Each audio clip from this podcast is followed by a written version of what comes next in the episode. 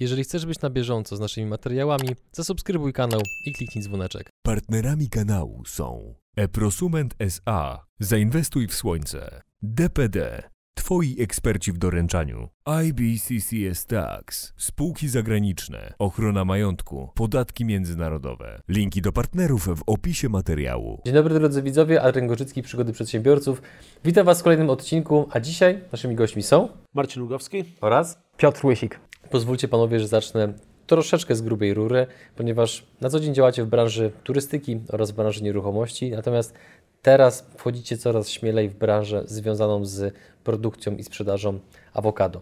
A tych z Was, drodzy widzowie, którzy nie wiedzą, no to w internecie można znaleźć całkiem sporo informacji opisujących to, że właśnie z tym owocem są w pewien sposób związane kartele narkotykowe. No i teraz podstawowe pytanie, panowie, czy wy jakkolwiek z kartelami jesteście związani, zwłaszcza Piotr, który wyglądem przypomina nieco jednego aktora z bardzo popularnego serialu Narcos.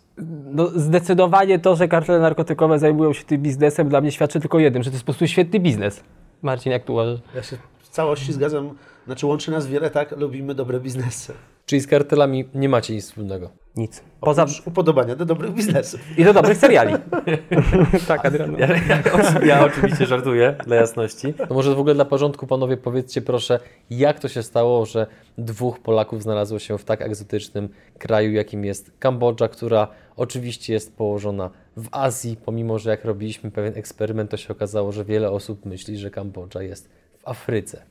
Ty zacząłeś tą historię chyba pół roku wcześniej, więc może zacznij, ja się dołączę w odpowiednim momencie. A jak większość rzeczy, które się dzieją fajne w naszym życiu i zmieniają nasze życie, a wiele takich rzeczy się, się dzieje, no to takim punktem zwrotnym był zupełny przypadek.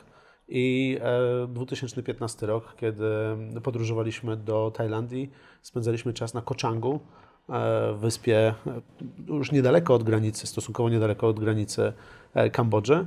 E, I było bardzo nudno, więc e, przekroczyliśmy granicę, pojechaliśmy, przekroczyliśmy granicę e, w Kokongu do tej miejscowości. Później jeszcze wróciliśmy już inwestycyjnie, wróciliśmy inwestycyjnie po kilku latach. No i mm, zacząłem poznawać Kambodżę jako turysta. I, i to spowodowało później serię, serię ciekawych tematów biznesowych, które, które się rozpoczęły w Kambodży. No bo kraj mnie urzekł przede wszystkim otwartością ludzi, a taką otwartą postawą i przyjacielską postawą e, wobec e, turysty, ale też tym e, od, strony takiej biznesowej, że to wszystko się rozwijało. A to był zupełnie inny świat niż jest w tej chwili nawet. Mamy 5 lat zaledwie, a Kambodża się już zmieniła. To cały czas jest wielkie pole nowych budowli, dźwigi, I, I, na tą chwilę Phnom Penh wygląda zupełnie inaczej niż to Phnom Penh, czyli stolica Kambodży, niż to Phnom Penh kilka lat temu. Nie bałeś się? Bałem się. Bałem się, jasne, że tak. No mamy, mamy trochę stereotypów. e, Jak nie jesteśmy w Kambodży, jak jedziemy tam pierwszy raz, to było 5 lat temu, no to jedyne informacje, które można przeczytać, e, no, mijały się daleko z rzeczywistością, tą, która jest, e, tą, którą zastałem na miejscu. Jakie to są mity? No, mito chociażby o tym, że Kambodża jest niebezpieczna. To, to dla mnie to jest chyba najbardziej bezpieczne miejsce, w jakim byłem. My się w Kambodży no, robimy biznesy przez ponad 5, 5 lat. A Nie mieliśmy żadnej niebezpiecznej sytuacji. Pomimo, że jesteśmy w różnych miejscach tego kraju, w różnych sytuacjach, to nic niebezpiecznego od strony ludzi e, się nigdy nie zdarzyło. Do mitów jeszcze wrócimy, natomiast powiedz jeszcze Piotr, w jaki sposób Ty wszedłeś w ten biznes i zacząłeś właśnie pracować z Marcinem. Y, Moja historia jest taka, że Marcin pomógł mi w realizacji mojego marzenia. Y, To było podróżowanie. W 2015 roku y, postanowiłem zwiedzać świat, kilka kontynentów. Zakochałem się w Afryce. No ale Afryka była niesprzyjająca do tego, żeby robić tam cokolwiek więcej niż tylko wypoczywać. Czyli ujęcia biznesowego w ogóle dla mnie nie było. I pół roku później wylądowałem w Kambodży. No jak to się stało, że Wołomińczyk z Mokoto mieszkańcem Mokotowa, tak, zaczęli rozważać współpracę. Marcin pokazał mi wielką odwagę, że postanowił przenieść się do Kambodży i realizować tam swoje projekty biznesowe. Mi też się wydawało, że Azja jest bardzo przyjemna, że po pierwsze nas tam lubią, Europejczyków, i po drugie y, miałem to skojarzenie właśnie z latami 90. w Polsce, że tu jeszcze wielu rzeczy nie ma. Wydaje mi się, że ten kraj się rozwija, ci ludzie się bogacą. Może warto by było przenieść parę aktywności y, biznesowych tam do Kambodży. No gdyby nie Marcin, pewnie zabrakłoby mi czegoś, może relacji, może pieniędzy. Bardzo przyjemnie się wskakuje do pociągu, który już ruszył. Marcin wyciągnął dłoń, złapał mnie. No to jest 4 lata naszej historii. Promocji kultury, promocji Kambodży, bo tym się też głównie zajmuję. Rozkochuje ludzi w Polsce do Azji Południowo-Wschodniej. Od czego w ogóle zaczynaliście wasze biznesy? Ja zacząłem od e, hotelu w Ratanakiri. To e, północna, na, na północy Kambodży, przy pięknym jeziorze, krater wygasłego wulkanu. I tam w listopadzie 2015, listopadzie albo grudniu przełomie, e, kupiłem pierwszą działkę e, i od nowego roku, od 2016 e, rozpocząłem budowę hotelu, który miał być mały. No miał być takim e, niewielkim, butikowym hotelikiem, e, gdzieś tam zatopionym w dżungli niedaleko pięknego jeziora.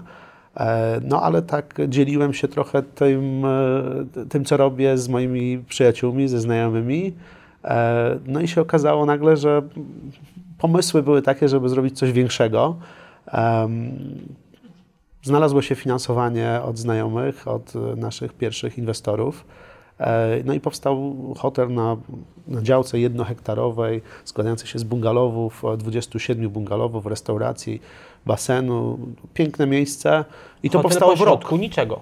Pośrodku niczego. Po środku dżungli, po środku niczego, w y, najbiedniejszym, najmniej zaludnionym y, miejscu Kambodży. Tak. tak, to było wyzwanie. No bo to nowy kraj. E, Ja nigdy nie robiłem projektów budowlanych, a to był projekt budowlany.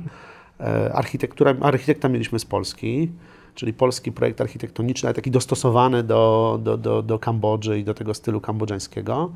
E, Czyli no, człowieka, który był w branży finansowej, w branży sprzedaży. E, No nagle wyzwanie zbudowanie hotelu w Kambodży i to się udało. Udało się w rok. Tak dokładnie jak zakładaliśmy, w kwietniu 2017 nasi przyjaciele e, pojechali do Kambodży na otwarcie. E, Ci, którzy też włożyli wcześniej te pieniądze, zainwestowali w ten hotel. Zrobiliśmy piękną imprezę na otwarcie, spędziliśmy fajnie dwa tygodnie w Kambodży, już w własnym hotelu. To pytanie w kontekście finansów. Być może spotkaliście się z takim terminem, który nazywa się FFF i znaczy on Family, Friends and Fools, czyli te grupy, od których pozyskujemy albo możemy pozyskać pieniądze właśnie na projekt, w który chcemy wejść. Więc powiedz, powie, powiedzcie proszę, w jaki sposób pozyskaliście pieniądze na projekt, wo- wobec którego, jak sami przyznaliście, nie mieliście za bardzo pojęcia w kontekście ekspertyzy, wiedzy, chociażby w aspekcie budowlanym. Co, ja ich chyba zaraziłem e, taką pasją tym, e, jak mi się spodobał ten kraj. Poza tym znali mnie też od strony finansowej, potrafię liczyć i, układać różne biznesy. E, Także ta część, brak doświadczenia budowlanego było na tym drugim, na drugim, na drugim planie. No a część naszych znajomych, część znajomych po prostu chciała pomóc i chciała ten projekt zasilić. Jak później, po, już po kilku latach, e, jak już hotel hulał i no w tej chwili no, przestał, no bo jest pandemia, ale jak hulał ładnie, to też mi powiedziało kilku znajomych, że włożyli pieniądze w ten hotel, chociaż nie do końca wierzyli, czy on powstanie w tak nowym kraju. Przez minione 5 lat ile Wam się udało zbudować nieruchomości? Łącznie 9 projektów powstało. Nawet tak jak mierzyliśmy ostatnim e, czasem, to po wybudowaniu tego hotelu równo to 6 miesięcy odpalaliśmy kolejny projekt o różnej skali, czasami mniejszej. E, Ja sobie też od początku szukałem miejsca trochę przy Marcinie, bo, Marcin głównie tam czas spędzał w Kambodży. Ja postanowiłem, że zajmę się promocją tego miejsca. Stworzyłem projekt Moja, e, Moja Kambodża, promowałem turystykę, wyjazdy. To jest bardzo przyjemny moment w życiu, w którym wielu znajomych prosi Cię właśnie Ci friends e, i family, chce, żebyś im Ty pokazał tą Kambodżę. No ja w pewnym momencie doszedłem do wniosku, że to też nie jestem w stanie tak żyć, żeby co dwa tygodnie latać z nowymi ludźmi do Kambodży, więc zaczęliśmy robić jakieś takie wyjazdy ba- bardziej zorganizowane, po przyjacielsku. My jako przyjaciel Wam pokażę piękny kraj, będziecie spali w naszych hotelach, pokażę Wam piękne miejsca i Was rozkocham. I to nam się udaje robić e, skutecznie. Myślę, że e, łącznie to ponad 200 takich bliższych, dalszych znajomych inwestorów odwiedziło e, Kambodżę przez 4 lata. No ilości osób w hotelach, które przenocowały, to nawet nie jestem w stanie policzyć w tysiącach. No tak. Pomijając oczywiście COVID, o którym porozmawiamy nieco później, to powiedzcie proszę przez minione lata, jakie momenty były najtrudniejsze w całym procesie, ponieważ no, nie chce mi się wierzyć, że to była tylko i wyłącznie sielanka, droga z górki i wszystko szło gładko jak z płatka. Wiesz, najbardziej stresujący był początek. No bo zaczynamy nowy zupełnie projekt. No oczywiście pierwsze pieniądze to własne, no to najłatwiej je wydać. Potem pieniądze rodziny, znajomych, którzy bliskich, bliższych znajomych, którzy też chcieli pomóc w tym projekcie. No i nagle zwiększamy skalę. Robimy dużą makietę, e, robimy dosyć duży projekt na jednym hektarze. E, dogadujemy ekipy budowlane, no bo trzeba się zakontraktować. Kupujemy materiały, a w zasadzie je zaliczkujemy, no bo tych, ta kołdra jest trochę przekrótka. E, mamy rozpędzoną budowę, rozpędzone ekipy, zazaliczkowane materiały, które do nas docierają na budowę i nagle no, puste konto. W pewnym momencie puste konto. Nie wiesz, co zrobić z ostatnimi setkami dolarów, czy też tysiącami dolarów ostatnimi, które są, a budowa ma iść dalej. No i to jest taki moment, kiedy nawet wracasz do Polski, pokazujesz tę swoją makietę obcym ludziom, no bo zaczynasz rozmawiać trochę ze swoimi klientami, no, ludźmi, którzy nie do końca mają, e, kojarzą Ciebie z inwestycjami, a w ogóle się nie kojarzą z inwestycjami w obcych krajach. Pokazujesz coś takiego, no i e, oni tak się patrzą, uśmiechają i okej, to zastanowimy się nad tym. Więc masz puste konto, tam idzie budowa, a ty tutaj e, nie masz pomysłu skąd wziąć. Na szczęście wszystko się tak poukładało, że zawsze to docierało, z jakimś opóźnieniem, ale docierało. Ukończyliśmy to wszystko na czas. No motywacją było to, że inwestorzy kupili bilety, chyba 16 osób na lot, więc to już trzeba, trzeba było to Trzeba uruchomić było. w momencie, w którym oni by ląd- lądowali w Kambodży. Ale żeby się wyrobić z ostat, to już zero dramaturgii, ale żeby wyrobić się z ostat, z, ze wszystkim na czas, to w dniu, kiedy oni jechali z Siem Reap, e, czyli tam z oglądania świątyń Angkor Watu, do nas, e, do Ratanakiri, zadzwoniliśmy do kierowcy, powiedzieliśmy, żeby jechał troszkę wolniej, bo dopiero kładziemy trawę w ogrodzie głównym.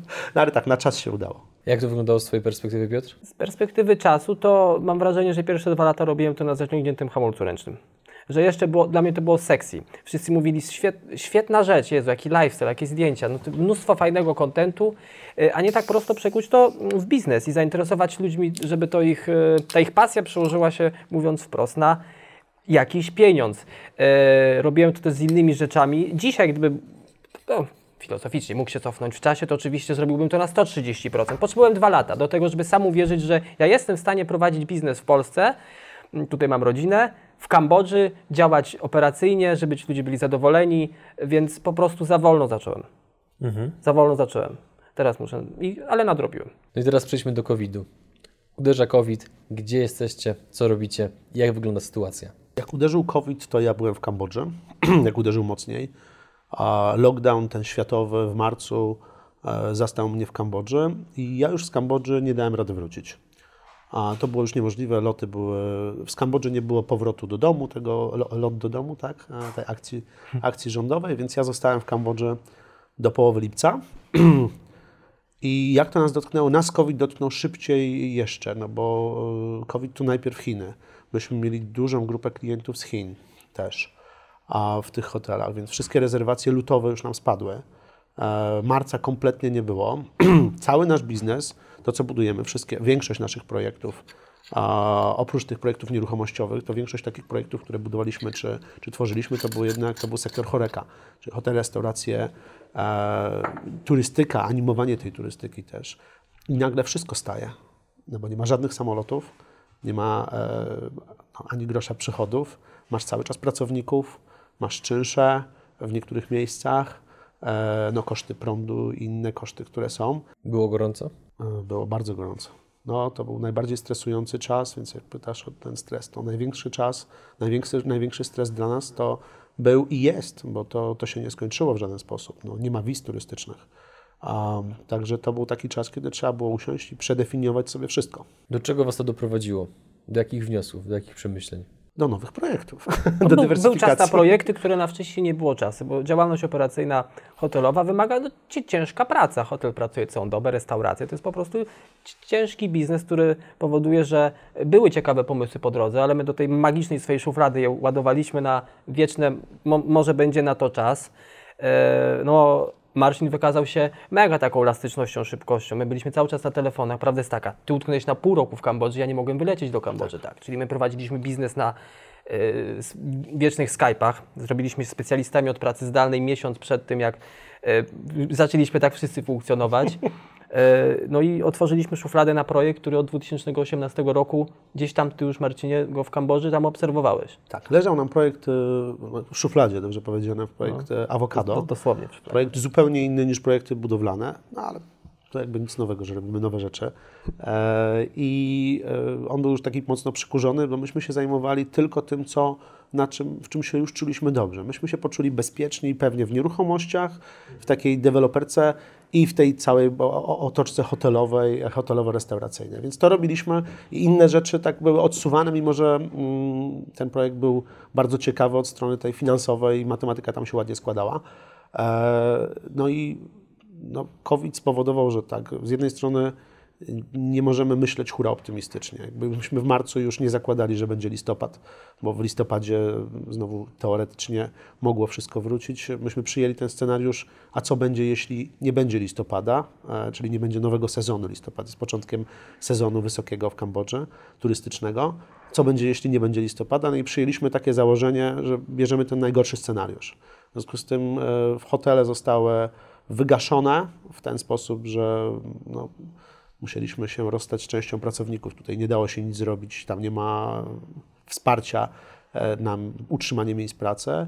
Obcięliśmy mocno koszty, wszelkie możliwe koszty w Kambodży. No i odkurzyliśmy projekt awokado, projekt uprawy awokado e, w Kambodży. No i to... Nim przejdziemy do awokado, to powiedzcie jeszcze proszę, w jaki sposób poradziliście sobie z komunikacją z waszymi inwestorami w kontekście właśnie projektów nieruchomościowych, no bo nagle uderza COVID, y, następuje pandemia, jest, powoduje to ogrom problemów biznesowych w różnych branżach, w tym zwłaszcza w, turystyce. No i teraz jak wy sobie poradziliście z całą tą sytuacją?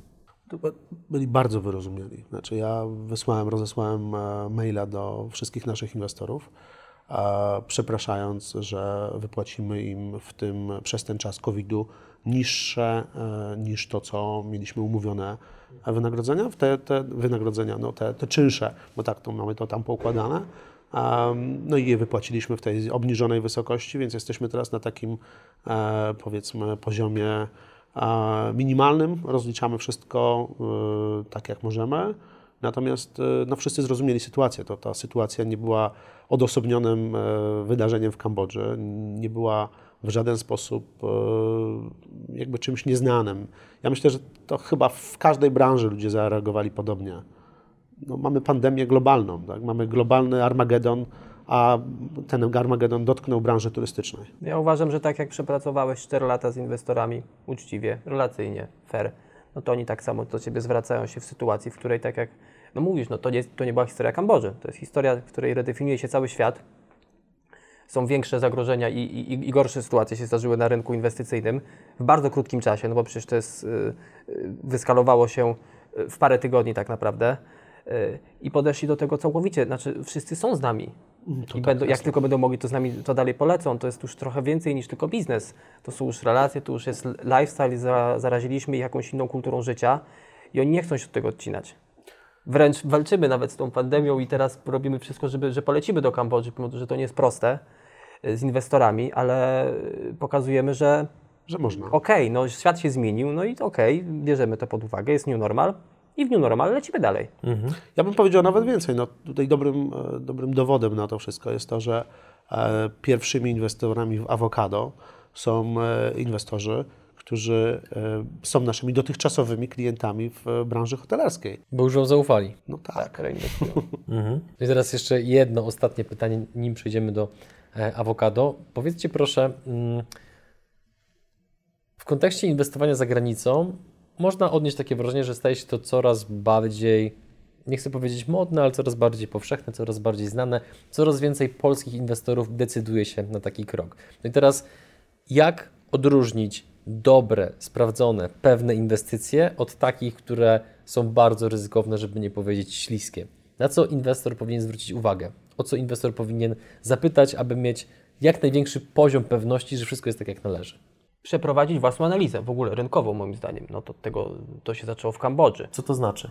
Y, no jeżeli kupujesz nieruchomość na przykład w Hiszpanii, powiedzmy na to, czy w innym kraju, no, zbadaj rynek, masz dostęp do informacji w internecie, do tego, jak wygląda y, podaż obiektów turystycznych, czy turystów jest więcej, czy mniej, czy jest odpływ, czy ceny rosną. No, masz możliwości, żeby zbadać chociaż minimalnie rynek. Czyli nie o to chodzi, że ktoś Ci udostępnia zagraniczny rynek i Ty mu ufasz, bo chcesz tam być. Odrób lekcję normalnie tak, jakbyś w Polsce inwestował. Mhm. Ja mam wrażenie, że jest dużo przykładów takich historii, które wiążą się z tym, że gdzieś powstawały projekty, one nie powstały. I nie chcę, broń Boże, powiedzieć, że to się działo z powodu złej intencji tej osoby, która zbierała na przykład kapitał na jakieś różnego rodzaju projekty, najczęściej nieruchomościowe na świecie. To nie jest takie proste. Stworzyć biznes za cudze pieniądze gdzieś za granicą i kolejne, kolejne projekty. Zatem nie było też łatwo, bo ja się stykałem z tym, rozmawiając z wieloma inwestorami, że Piotrek, ale tu jest taka jedna firma, taka inna, tutaj też ktoś był już w Tajlandii i w jakiej na Bali budował domy, gdzie te domy. Czyli no musiałem się ścierać troszeczkę z historiami niepowodzeń innych y, wizjonerów, no bo oni nie wybudowali niczego, więc pozostawmy, pozostawiam sprawę tego, że byli wizjonerami, bez wątpienia i załóżmy, że wszyscy mieli dobre intencje. Inwestorzy nie odrabiali lekcji, wiem o tym. Wpłacali pieniądze i nic z tym nie robili dalej. A z drugiej strony myślę, że też e, warto zobaczyć, e, co faktycznie jest za tym, co, co stoi za prezentacjami. Oczywiście, gdyby tak było, to nie powstałby pierwszy hotel, ale e, myślę, że to jest też e, dobra praktyka, żeby sprawdzić, e, czy jest coś więcej niż ulotka i więcej niż materiały marketingowe. Czy jesteście w stanie wskazać, jakie elementy, jakie sygnały mogą od samego początku świadczyć o tym, że dana konkretna inwestycja jest po prostu tak zwanym skamem? Wiesz, to jest, to jest trudne, trudne w ogóle, bo a, mi się tak wydaje, że te wszystkie rzeczy, które są e, ewidentnie planowane jako oszustwa, są lepiej przygotowane od strony dokumentacyjnej, ma marketingowej, niż to, co jest prawdziwe. No bo jeśli ktoś robi prawdziwy projekt, no to mówi, słuchajcie, zapraszam, przyjedźcie, zobaczycie. E, zwykle, niezwykle, ale często te dokumenty są po prostu pochodną tego, co się już robi. No bo jesteś w akcji. Działasz, robisz coś, e, planujesz e, jakiś biznes i nie myślisz o tym, żeby uwiarygadniać, e, nie wiem, dokumentami, wszystkim tak idealnie podłożonymi, więc ja myślę, że to, to, to jest trudne sprawdzić to od strony takiej analityki, patrząc na dokumenty. No a jeżeli nie dokumenty, no to sprawdźmy po prostu w realu. Podam sytuację. In- Interesował, inter, ktoś mnie interesował pewną inwestycją, e, to była Indonezja E, i chodziło o domki. E, Miałem okazję, żeby polecieć do Kambodży, ale wcześniej polecieć też właśnie tam i sprawdzić. Jeżeli ja komuś mówię, że chcę sprawdzić inwestycję, w którą mam wpłacić pieniądze, zapłacę sobie sam za bilet, a on mnie zniechęca do tego, żeby pokazać mi, mówimy o deweloperce, o nieruchomościach, coś musi powstawać, no przecież ma być jakaś realna wartość. I on mnie zniechęca, że mi to pokaże na sam koniec, no nie. Jeżeli tam pojadę, to najpierw dotknę tej konstrukcji, potem pójdę na obiad i poproszę pewne dokumenty, nawet zapłacę za tłumacza, nie będzie to wielki koszt.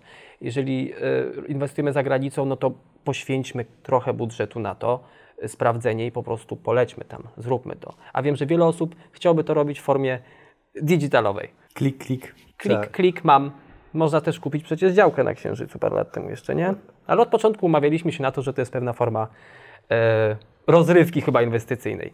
No to takie przykłady powinny sugerować od razu. Jeżeli ktoś nie, nie chce, żebym ja tam był, no nie. To tutaj na etapie budowy zrobiliśmy masę zdjęć, nawet jak nie było, nawet jak był brud, był tak behind the scenes, było po prostu masakra, tak? No tam się po prostu było Armagedon przy hotelu, bo się budował. A, a, a byli ludzie. Przyjeżdżaliśmy, pokazywaliśmy. Ale ja myślę, że te zasady są takie same w Polsce, no, bo nie wiem, ostatnia sprzed dwóch, sprzed roku, sprzed roku historia dwóch moich e, przyjaciół, e, którzy są też naszymi inwestorami w Ratanakiri, e, pierwszymi, jednym z pierwszych inwestorów. Oni później poznali różnych doradców. Oni się też ze sobą nie znali. Poznali różnych doradców, którzy sprzedali im ten sam projekt, który był polskim projektem. Ja nazwy firmy nie będę, nie będę wymieniał, ale budowali hale, hale magazynowe, no ale tych hal nigdy nie budowali.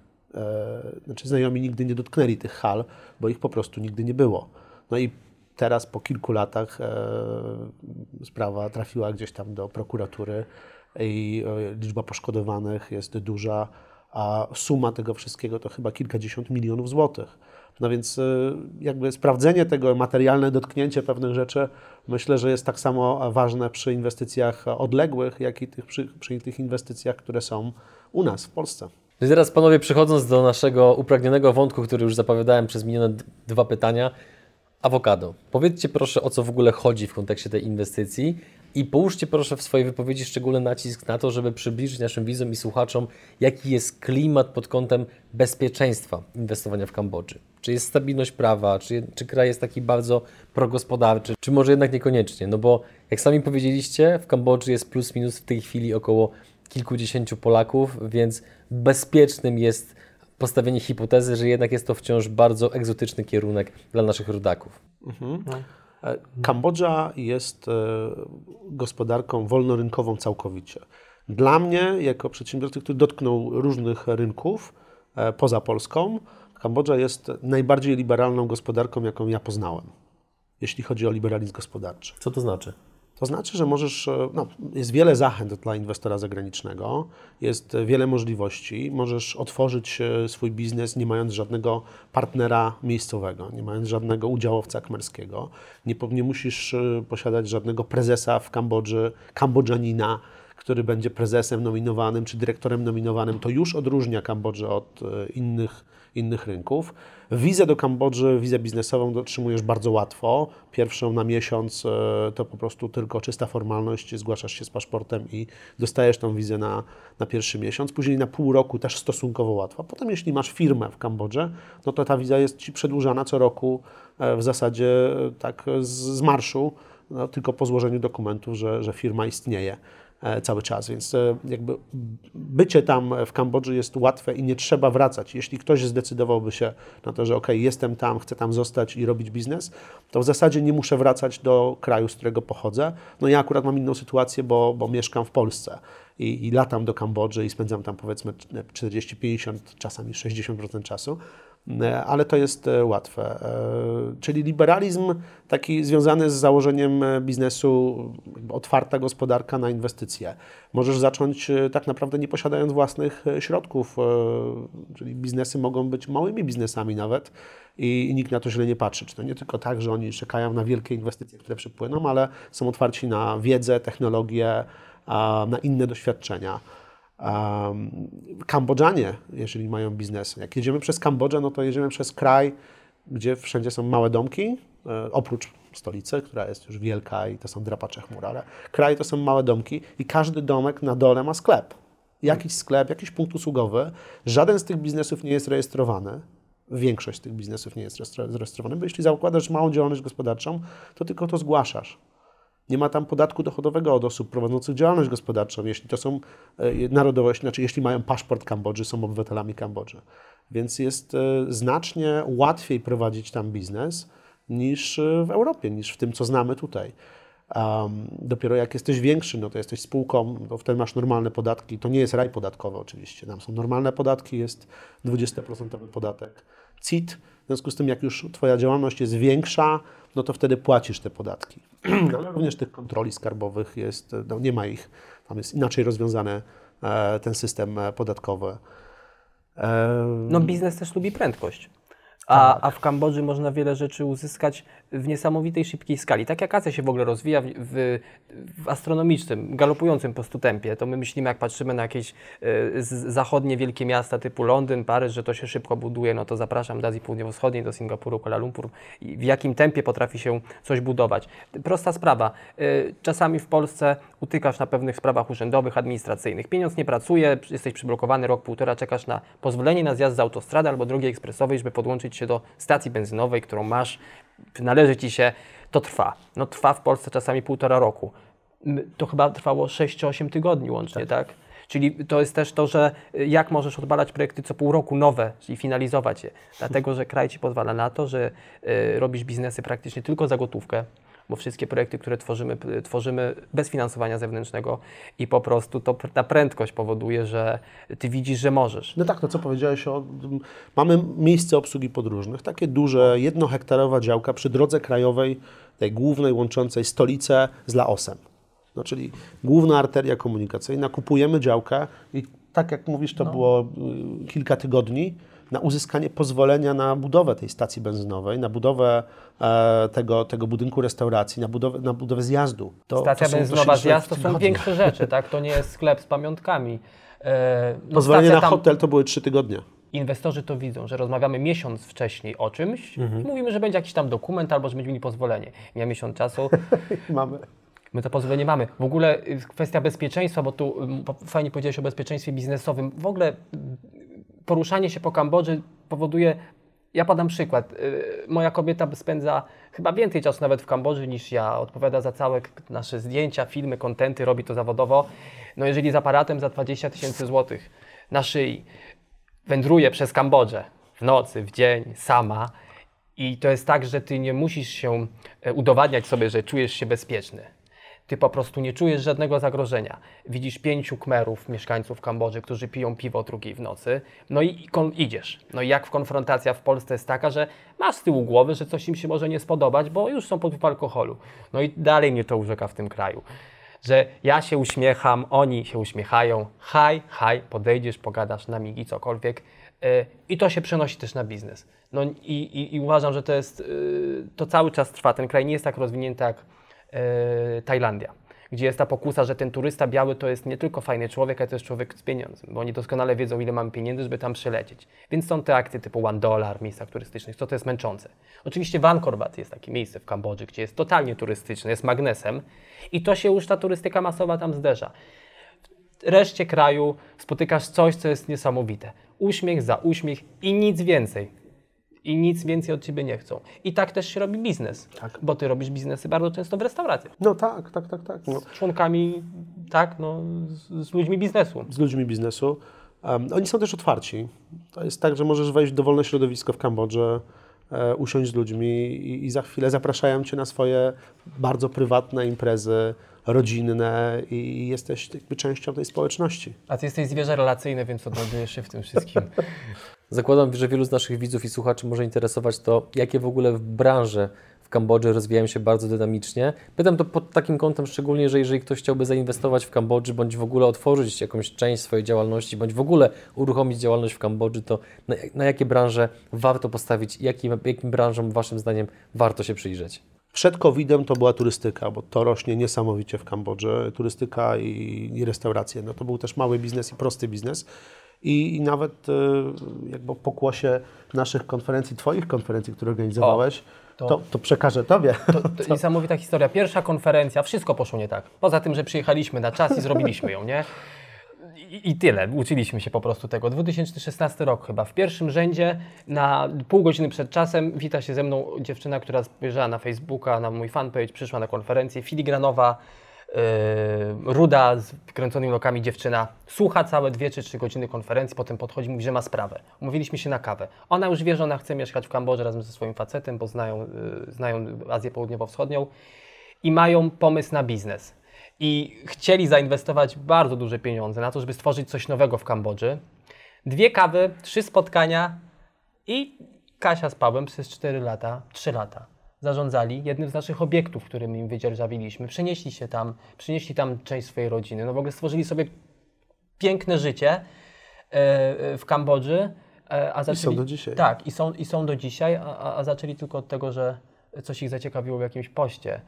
Czyli my, tak, my, my też mamy takie historie, że troszeczkę pozmienialiśmy ludziom ten azymut życiowy, e, zaprosiliśmy do Kambodży i tam ze mną zostali. No to są już inne relacje, to już są przyjaciele, to są osoby, które ty możesz implementować w różne biznesy. Tak? Poziom zaufania jest e, e, kosmiczny. E, i, I to się działo. Tak, to, to jest turystyka na pewno, ale przed, przed tym, co się stało. E, nieruchomości, bo kraj rośnie bardzo szybko. To jest najszybciej rozwijająca się, jedna z najszybciej rozwijających się gospodarek całego świata. W tej chwili chyba siódma pozycja, no, konkurująca z takimi e, afrykańskimi krajami, które niekoniecznie są bezpieczne. No, szybko się rozwijają, ale nie są bezpieczne. Tu mamy i bezpieczeństwo, i szybki rozwój, i nieruchomości za tym idą w górę bardzo szybko. A tam w niektórych miejscach e, ta cena wzrosła w ciągu pięciu lat pięciokrotnie. To są takie, takie wzrosty na nieruchomościach, na niektórych nieruchomościach, ogromne. No Także nie ma pewnych usług, Tak. na które Kambodża czeka. Brakuje wielu usług, e, brakuje przetwórstwa spożywczego, więc większe firmy, e, no to już więksi inwestorzy, większe firmy, przetwórstwo spożywcze, no to jest e, to, czego Kambodża potrzebuje. W tej chwili większość rzeczy takich spożywczych, już przetworzonych, sprowadza się z Wietnamu i z Tajlandii. Czyli co w sklepach mamy, to, to nie ma produktów kambodżańskich, są produkty spoza, a Kambodżanie bardzo chętnie kupowaliby swoje wyprodukowane w Kambodży, więc to jest idealny rynek, bo całkowicie niebieski ocean. No, co dalej? Rolnictwo y, to jest w ogóle kraj rolniczy, ale tych, e, to jest też taki kraj, który się e, fokusuje Na monokulturach, e, ki- kilku monokulturach są, jest, jest tytoń, e, to jest jeden z największych producentów tytoniu, jest kauczuk, czyli kauczukowce i orzechy nerkowca. Wszystko jedzie nieprzetworzone do Wietnamu i wraca przetworzone albo wędruje na cały świat. Natomiast to są wspaniałe miejsca do uprawy e, takich innych, e, inny, innych e, roślin, jak chociażby kakaowca, drzew kakaowych. Jest w tej chwili kilka odbudowanych plantacji kakaowca przez no już takie rodziny kmersko-zachodnie. I te kilka plantacji, które w tej chwili mają kakaowca, sprzedają całość, mają wszystko zakontraktowane na kilka lat do przodu do Japonii. E, Więc to zapotrzebowanie jest, jest ogromne. E, Ja myślę, że wszelkie, wszelkie przetwórstwo, rynek ten spożywczy, każde fabryki, bo to, to w ogóle dobre miejsce do lokowania fabryk, czy przerzucania części swoich linii technologicznych. Mamy stosunkowo cały czas niski, niski koszt pracy, no bo nie ma ZUS-u, jest, nie, nie ma podatku jakiegoś e, od wynagrodzeń tych niższych, jest stosunkowo niski podatek, ale to już e, płaci e, bezpośrednio pracownik, jeśli te wynagrodzenia są wyższe. Jakby koszty gruntu są stosunkowo jeszcze niewielkie w porównaniu do tego, co mamy za granicą. I no i mamy dostęp do ogromnego rynku. Mamy dostęp do ASEANu bezcłowo. ASEAN to Stowarzyszenie Narodów Azji Południowo-Wschodniej, między innymi Malezja, Indonezja, Tajlandia, e, Singapur chociażby, bardzo rozwinięte kraje. Więcej konsumentów niż w całej Europie, 650 milionów niż konsumentów Europejskiej. versus Europa 460 milionów, tak, chyba. To jest e, dostęp do ogromnych, e, do ogromnych rynków, dobre położenie, bo centralnie w tym ASEANie. Więc wszelkiego rodzaju fabryki to na pewno jest ten biznes. Biznes deweloperski w stolicy, tam, tam to się szybko rozwija. To, to, to jest całe miasto usiane tymi dźwigami i tam wchodzić e, konkurencyjnie na ten rynek już jest praktycznie niemożliwe no bo mamy do czynienia z gigantami branży budowlanej, to są koncerny koreańskie, koncerny chińskie, japońskie, które inwestują miliardy dolarów w rozwój tego wszystkiego. Tam się buduje w tej chwili World Trade Center 2, e, jakieś to 160 kilka pięter. Japoński deweloper, tak? japoński to, tak, tak. No i takich wieżowców, takich wysokościowców jest dużo. Obok naszego hoteliku, który e, wydzierżawiamy, wynajmujemy posesję w takiej dobrej dzielnicy, buduje się japońskie 42 piętra obok nas. I, I to nie jest nic, to nie jest jakby pojedynczy budynek, to tak jakbyśmy zobaczyli to wszystko, więc tam konkurować z tym się nie da.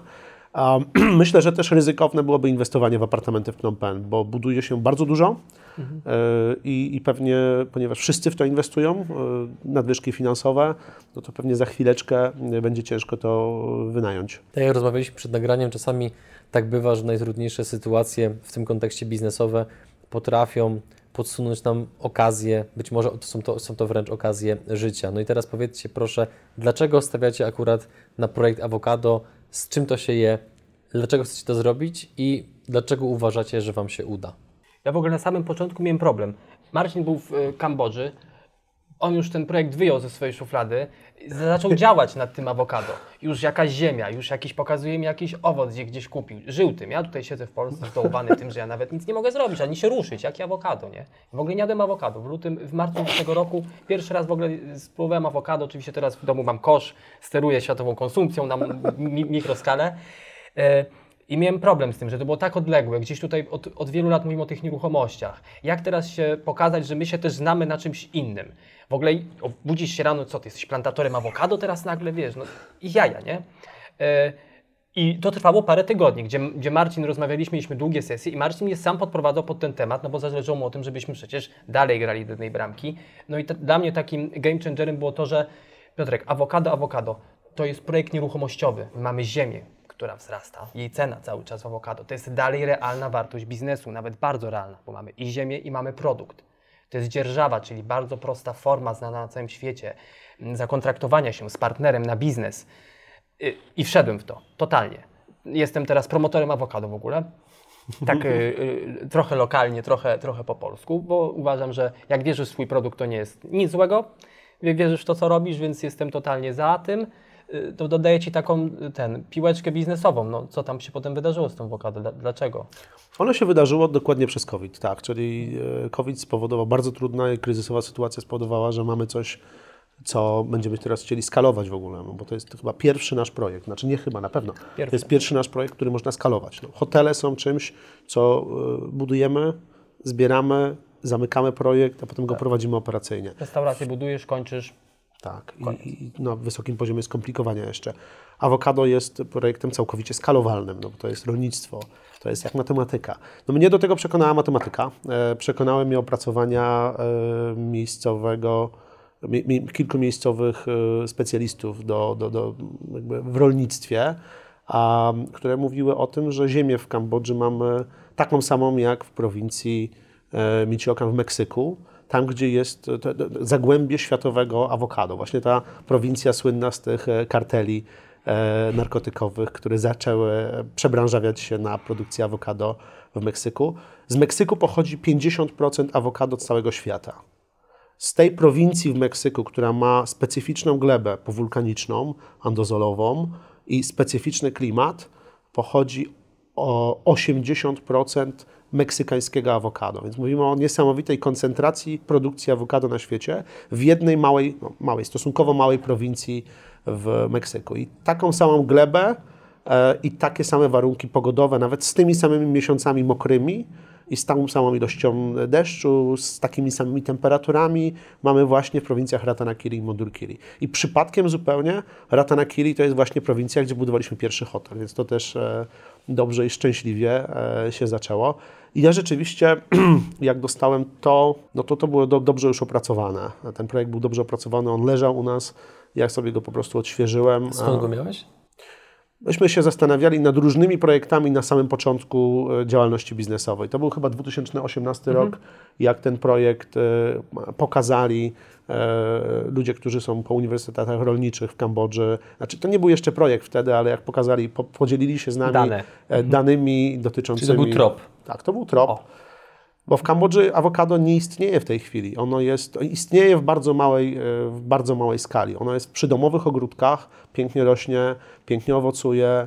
E, To są te stare odmiany, które w Azji e, są, są uprawiane, te odmiany niesprzedawalne w hipermarketach. To są większe awokado, ale te, to w Kambodży było kiedyś bardziej popularne. Potem za Khmer Rouge te sady awokadowe, niestety, jak wiele rzeczy w Kambodży, przestały istnieć. Prowincja Ratanakiri i Mondulkiri to w tej chwili gdzieś 40 hektarów, więc mówimy, że no nie ma żadnej skali i to te 40 hektarów jest rozsiane po ogródkach przydomowych. Nie jest to komercyjne w żaden sposób. W żaden jest sposób. Po prostu No, nawet awokado w sklepach w Kambodży pochodzi z zagranicy, no bo nie mają wystarczająco. A, y, I teraz mamy granicę tych prowincji z Wietnamem i po wietnamskiej stronie jest 4300 hektarów w prowincji Gialaj, e, graniczącej z tymi dwoma prowincjami, bo ma taki sam, taką samą glebę i taki sam klimat. Więc to się da uprawiać. I to jest jakby jedna rzecz. Druga rzecz, e, tam jest idealny rynek pod to, no bo mamy kraje ościenne. e, 1700 kilometrów od nas drogą taką tranzytu lądowego jest miasto Nanning w Chinach. 7 milionów mieszkańców. Taka brama, e, do której są dostarczane owoce, warzywa z Wietnamu, e, produkty spożywcze i to wszystko dalej może być dystrybuowane na, na Chiny. A Chiny w tej chwili biorą awokado z Meksyku, Peru, Chile, z Kolumbii. E, chyba nawet z tych trzech tylko krajów, Meksyk, Per- Peru i Chile, tam są podpisane umowy, więc to awokado, zanim przyjedzie do któregoś z portów e, w Chinach, wędruje przez cały świat. Więc z jednej strony mamy możliwości jego produkcji, dobre gleby, jesteśmy na miejscu, czyli znamy lokalne, no, lokalne samorządy, te, te wszystkie e, gminy tam i tak dalej, mamy, mamy rozeznanie, gdzie są te gleby, E, mamy rynek zbytu, praktycznie za miedzą, można powiedzieć tak w skali globalnej. jesteśmy pierwsi. Jesteśmy pierwsi, którzy robią to komercyjnie. Już nas trzeba gonić, żeby dogonić. Tak. Szybko. A natury nie przeskoczysz. Już posadzone, pierwsza pora mokra, więc już są efekty. No, awokado takie rośnie jak jabłoń czy, czy grusza. O. To jest drzewo, które w czwartym roku, w trzecim, czwartym roku zaczyna owocować. No i rośnie jako duże drzewo. Jaka jest przewidywana skala tej działalności? Jaki jest w ogóle taki horyzont, powiedzmy na najbliższe lata, gdzie chcecie się znaleźć z tym biznesem za kilka lat? Ja myślę, że możemy być Po pierwsze, mieć inwestorów z zagranicy. Czy to jest już projekt, na który jesteśmy gotowi, żeby go otworzyć i skalować go na kraje, w których awokado ma w ogóle swoją kulturę. W Polsce też jest dosyć to cały czas coś nowego, ale przecież są kraje nawet w Europie, w Hiszpanii, gdzie awokado jest znane, albo gdzie na półkach sklepowych w krajach rozwiniętych to jest. Więc to jest na pewno projekt, który już będziemy, jak ktoś mówi, tłumaczyć prospekty na kilka innych języków. To jest pierwsze, to jest, to jest, to jest pierwsze tak, bo nas nic nie ogranicza. E, Ja jeszcze miałem taką refleksję odnośnie awokado, bo miałem kontakty z dużymi firmami, które się zajmują w Polsce produkcją żywności. No jest ten COVID, słyszysz cały czas, jak padają firmy, albo jest ciężko, trzeba się przebranżawiać, wszyscy muszą się gimnastykować, żeby utrzymać e, pracę. No ale tak pomyślałem, tak miesiąc z miesiącem patrzę i ci ludzie mówią, wiesz, nie jest źle, musieliśmy się troszeczkę zmienić tam linię technologiczną, dostosować do nowych warunków, ale sprzedaż jest bardzo dobra, czyli uwaga, ludzie jedzą. Nie kupią sobie droższego samochodu, być może nie polecą na wakacje, bo nie mogą. Jedzą tyle samo albo i więcej. I tak, wzrasta świadomość zdrowia, wzrasta świadomość tego, że co jesz, to patrzysz na etykietę coraz bardziej. Awokado jest super zdrowe. No i tak sobie myślę, ok, czyli jakby źle nie było, to gdzieś ta światowa konsumpcja i produkcja jest potrzebna ludziom, bo zabezpiecza jakąś podstawową ludzką yy, be- bezpieczeństwo tak tego, żeby nie być po prostu głodnym. Może na wprost, może dosyć w- w łopatologiczny sposób wytłumaczone, ale taka była moja obserwacja. Te biznesy mają się teraz dobrze, te firmy. A rozmawiacie już z inwestorami o tym projekcie? Tak. Mamy pierwsze rozmowy za sobą. Znaczy, pierwsze rozmowy to były zdalnie. Ja zadzwoniłem do znajomych, zadzwoniłem do, do kolegi Sławka e, i mówię, słuchaj, jest projekt, e, fajny projekt, e, pomóż i róbmy to. To ten friend inwestor, jeden z. Tak. Jakie są myśli, pytania, obawy inwestorów, z którymi rozmawiacie? Y, Adrian, no przede wszystkim to jest biznes, który ma pewną charakterystykę. Long distance. Mówimy o tym, że razem z partnerami zarabiamy e, przez dwadzieścia kilka lat. Na początku trzeba poczekać, bo jest to biznes oparty na realnej wartości, więc najpierw to awokado musi urosnąć, to trwa 3-4 lata, potem się zaczyna zbiór i potem się zaczyna sprzedaż. Czyli prawdopodobnie inwestor, który ma 60 lat, nie będzie nim zainteresowany z oficjalnych, z, z, z, tak, z normalnych powodów, że to nie jest po prostu dla niego. Y, Dwa, no y, chłopaki, robicie w nieruchomościach, panowie, tak? Robicie w nieruchomościach. I od turystyce. czterech- Od czterech lat. I turystyce. To, I macie tutaj y, czek, czek, tak? Są fajne projekty, wszystko działa, odwiedzali, odwiedzaliśmy Was w hotelach, ale dlaczego, y, czy Wy się znacie w ogóle na tym awokado? No i tutaj jest to, że oczywiście no, my korzystamy z ekspertyz i z doświadczenia y, ludzi, którzy mają doświadczenie w rolnictwie, w komercyjnych uprawach, innych też roślin, znają ten rynek. Korzystamy z ekspertyz zagranicznych uniwersytetów, które od 10 lat, 15 badają rynki awokado, liczy, innych y, upraw na świecie. Y, to, to są pytania, z którymi się oczywiście mierzymy. No ale tak y, najwięcej głosów jest to, że awokado jest takim owocem, uważam, który polaryzuje niesamowite emocje. Tonus emocji jest bardzo wysoki albo bardzo niski, czyli kochasz albo nienawidzisz.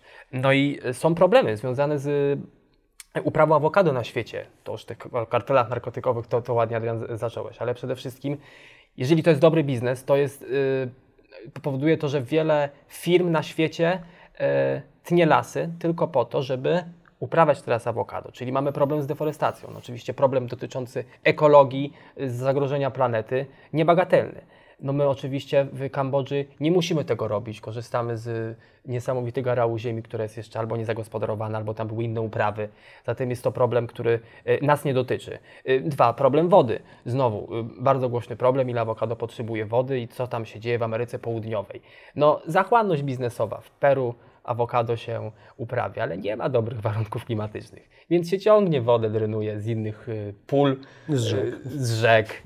Tak, wysusza się jeziora. Gigantyczny problem, my go nie bagatelizujemy. W Kambodży nie dotyczy. Tak jak w Meksyku na tej wysokości, pora mokra jest taka, że dziękuję bardzo, jeśli ktoś chce spędzić trzy tygodnie w lipcu czy w sierpniu w Kambodży, wraca na Kili w prowincji, to zmoknie tak i biorąc pod uwagę warunki glebowe, nie będzie miał wątpliwości, że trochę ponawadniamy w porze suchej, ale nie wywracamy y, ekologii planety. I z tym się mierzymy. No to jest nasza y, robota, żeby demitologizować. Dużo się o tym mówi i super, bo uważam, że to jest to, że ludzie mówią awokado i mają świadomość i chcą czytać, to jest wspaniale. No to trzeba ich tylko trochę nakierować na, e, na fakty. No to są fakty, ale dotyczące innych regionów świata albo innej sytuacji. No, my się od tego oddzielamy. W Kenii mm, rezygnuje się z pól e, powoli herbaty czy kawy, sadzi się awokado. No dla kogoś, kto ma biznes kawowy, będzie mówił, że awokado jest krwawym owocem, bo mu zabrał biznes. No ale my gdzieś tam jesteśmy biznesmenami. Podchodzimy może nie tylko Excelem do wszystkiego. No tu Excel jest ok, ekologia jest ok. Y, Zatrudniasz ludzi jako, tak? Plantator awokado. To też jest ważne w Kambodży. Tak, dajemy pracę, jasne. Dajemy pracę po prostu, więc też ten biznes jest, y, y, wszyscy patrzą na niego ok tam. Panowie, zróbmy eksperyment myślowy. Załóżmy, że za kilka lat siadamy, spotykamy się, rozmawiamy i okazało się, że projekt się nie udał.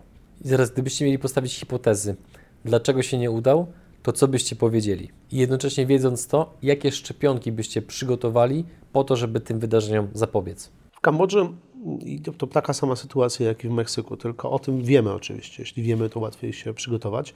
E, Są miesiące też suche. To są miesiące grudzień, styczeń, luty, marzec. No i jeszcze część kwietnia, czyli mamy 4-5 miesięcy suszy. E, No i musimy być na to przygotowani, czyli system nawodnieniowy jest, system nawodnienia tej plantacji jest ważny i jest kluczowy przy młodych roślinkach. To są pierwsze trzy lata, kiedy szczególnie trzeba dostarczać wodę. My mamy oczywiście dostęp do studni, wiercimy tam studnie głębinowe, mamy wodę na 50-70 metrze. E, Pod Ratanakiri jest ogromny zbiornik e, wody, czystej wody takiej pitnej. No to są, tam, tam jest wiele studni takich artezyjskich wręcz, że jak jesteśmy w dolince, to woda wręcz e, no, z, ziemi e, widać pod ciśnieniem sobie, sobie idzie, więc tej wody mamy, mamy dostatek, ale trzeba stworzyć systemy nawodnienia przed rozpoczęciem sezonu suchego. Jeśli coś miałoby nie wyjść w plantacji, no to pierwsza rzecz, która może nie wyjść, to jest e, ten początek, czyli jak drzewko jest małe. E, to jest raz. Druga rzecz, e, odpowiednie odmiany awokado. Jeśli hodowalibyśmy po prostu, uprawialibyśmy po prostu awokado, które jest dostępne w Kambodży, e, bo nie ma dostępnego hasa. E, Jeśli bralibyśmy te odmiany, które są tam dostępne i hodowane w przydomowych ogródkach, bo przecież oni cały czas sobie dosadzają, e, to to awokado jest niesprzedawalne. Rynek awokado na świecie wygląda, y, wygląda tak, że mm, 97% bodajże całego awokado na świecie to są odmiany Hass e, i jego wariacje, różne, różne wariacje Hasa. I to jest awokado, które trafia na półki sklepowe. Dlatego właśnie w Kambodży na półkach sklepowych nie ma kambodżańskiego awokado w, w większości, tylko pojawia się awokado z Nowej Zelandii czy Australii. A, więc odpowiednia odmiana awokado już na tym etapie e, przygotowania plantacji, na, na tym etapie, który, kiedy planujemy, to nie wystarczy mieć po prostu awokado. Na rynku chińskim jedyna odmiana, która jest akceptowana, to jest has i jego, jego wariacje. Żadna inna. Dlatego awokado z Wietnamu nie jedzie do Chin, tylko biorą awokado z, z Meksyku, Peru czy, czy, czy, czy Chile.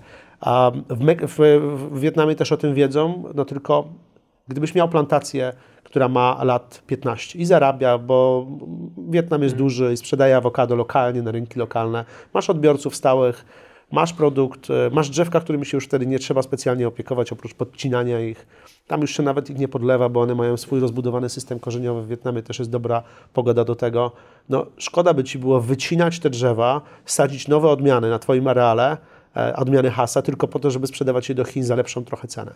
No bo Twój nakład inwestycyjny byłby nie, nie, nie, nieproporcjonalny. Czasami jest lepiej e, stworzyć coś od podstaw, tak jak teraz tworzymy tą plantację, niż e, burzyć coś, co już jest i budować w to miejsce e, nowe. Długi horyzont. To też jest jakieś zagrożenie. Robisz flipa, no to umawiasz się sam ze sobą, że przez dwa miesiące nie wybuchnie wojna. No bo wiadomo, wybuchnie wojna, terroryzm, to tam ani ubezpieczenia, ani żaden biznes nie przetrwa, pakujemy się, myślimy o dzieciach, rodzinach i tak dalej. No tutaj zakładamy taki scenariusz, no że oczywiście, o Jezu, no w spokoju przez te 20 lat ten świat yy, będzie funkcjonował. No oczywiście mówimy o tym, że gdzieś i tak jest niestabilnie yy, i to jest okej. Yy, No ale tu trzeba się po prostu mm, samemu z, ze sobą być w zgodzie, tak? Że robimy biznes oparty na dwóch dekadach z kawałkiem i zakładamy, że e, ciągniemy go razem, że nasza motywacja jest cały czas e, taka sama, że mamy cały czas dobry kontakt z inwestorami, przetestowaliśmy na czterech latach, no teraz musimy to zrobić kilkukrotnie dłużej. To też jest tak, że no wiadomo, niektórzy po prostu nie podejdą do tego z tego powodu. Nim przejdziemy do konkursu, to powiedzcie proszę jeszcze naszym widzom, na jaki typ inwestorów jesteście najbardziej otwarci i jakimi środkami w ogóle trzeba dysponować, aby z Wami rozmawiać na temat tej konkretnej inwestycji. Jeden hektar awokado, jeden hektar takiej dzierżawionej od nas plantacji awokado, bo na tej etapie tak to się odbywa, że taki partner, który chce z nami robić ten biznes, dzierżawi od nas zarządzaną przez nas plantację i na końcu dzielimy się, w zamian za to, że zarządzamy, dzielimy się zyskami z tej plantacji z, z, naszym, naszym partnerem biznesowym. To jeden hektar to jest 30 tysięcy dolarów i od takiej sumy ma sens myślenie o tym awokado jako projekcie inwestycyjnym, no żeby miało to jakiś wymiar i, i, i żeby też łatwo się e, o tym myślało jako o czymś, co rzeczywiście jest, jest jakąś wartością. My tą minimalną wpłatę teraz zrobiliśmy na, na pół hektara, no ale to pewnie czasowo, żeby ten projekt e, rozpropagować i pokazać. E, natomiast to myśmy nigdy nie mieli mniejszych inwestorów w naszych projektach niż powiedzmy tam 100 tysięcy złotych, no czyli to jest odpowiednik w, w miarę jednego hektara. Więc nigdy nie byli to mniejsi inwestorzy. Myślę, że teraz będzie bardzo podobnie. Ty trochę chyba na początku pytania zapytałeś też o to, kim jest nasz inwestor, albo kto mógł być zainteresowany. Nie, mam lekko obawy, że jak, że jak powiem, kim są nasi inwestorzy, to ktoś się poczuje, że nie jest w tej grupie i nie będzie zainteresowany, ale otwartość na świat. Może brzmi tak dosyć ogólnie, no ale to trzeba mieć szeroki światopogląd, żeby inwestować w takie projekty za, za granicą. Więc przyda się, jeżeli ktoś jest trochę szerzej niż, niż wężej. No nie wiem jak to ująć, ale są osoby, które Y, może się średnio teraz czują y, przy tych rynkach finansowych, które są w Europie, nie widzą w tym korzyści, te wyniki nie są dobre, szukają biznesów opartych na realnej wartości. Czyli y, coś, co rozumieją że coś jest zbyt, coś powstaje, to ma swoją cenę, coś idzie do sprzedaży, to jest proste. Może robili takie biznesy sami 20-30 y, lat temu i to rozumieją. Na pewno osoby, które uwielbiają podróżować. To jest tak, że wśród naszych inwestorów są osoby, które bardzo często latają do Azji Południowo-Wschodniej, czuły się tam świetnie. Ja wiem, teraz COVID, wyjmujemy ten o krótki okres rzeczywistości mm, z tej ramy, ale to są osoby, które są otwarte na świat, czyli często podróżują. Jak one często podróżują, my ich nie przekonujemy, że Azja jest dobrym miejscem do inwestowania. Oni to widzą, bo oni tam spędzają miesiąc w roku. My tylko im podkładamy możliwość, że są Polacy, którzy uważają tak samo jak to świetne miejsce, my coś zrobiliśmy, ty nie musisz, ty jesteś turystą, ale zobacz. Dużo mamy też osób, które skończyły biznes. Y, gdzieś tutaj w Polsce dochodzą do momentu, że mają, nie wiem, 50 lat, panowie, świat już tak pędzi, cyfryzacja, że oni już na tych relacjach, które robili w latach 90., trochę się uwierają. Coś ich uwiera. Nie mają pomysłu, mogą skeszować się dobrze. Albo mają dzieci, tak, schodzi biznes na, na rodzinę i oni mają taki moment w życiu, że potrzebują czegoś, jakiejś ekscytacji. I tutaj wchodzi ten lifestyle, który kreuje od 4 lat, 5 lat Kambodży jako świetnego miejsca do życia. Ja go kreuję, a Marcin to wciela w życie jeszcze częściej. I my takie osoby zapraszamy do Kambodży. E, I one tam patrzą, że cholera, to jest jak 25 lat temu w Polsce, jak ja zaczynałem biznes. Tu się wszystko dopiero tworzy, a teraz nie muszę mieć wielkiego know-howu, wy macie, ja mam kapitał, no to Połączmy siły. Let's go, synergia. Tym sposobem dotarliśmy do końca naszego wywiadu i nim przejdziemy do konkursu, to jeszcze chciałbym tutaj złożyć serdeczne podziękowania dla Macieja Kasprzyka, dzięki któremu właśnie mieliśmy okazję się panowie poznać i porozmawiać. Maciej, dzięki, ukłony dla Ciebie. A teraz panowie, konkurs. Jakie jest pytanie konkursowe i jaka jest nagroda? Nagroda? E, siedem nocy w hotelu Ratanakiri Paradise, czyli w hotelu, który, od którego wszystko się zaczęło, przy pięknym jeziorze Jeklaom w kraterze wygasłego wulkanu. A, no i bardzo blisko naszych plantacji awokado. Siedem dni dla dwóch osób ze śniadaniami u nas w hotelu. A co będzie pytaniem konkursowym? Pytanie, jaki biznes za granicą i dlaczego chcielibyście otworzyć? Ja od siebie tylko dodam, drodzy widzowie, że wszystkie odpowiedzi na pytanie konkursowe proszę wpisujcie w komentarzach pod filmem na YouTubie.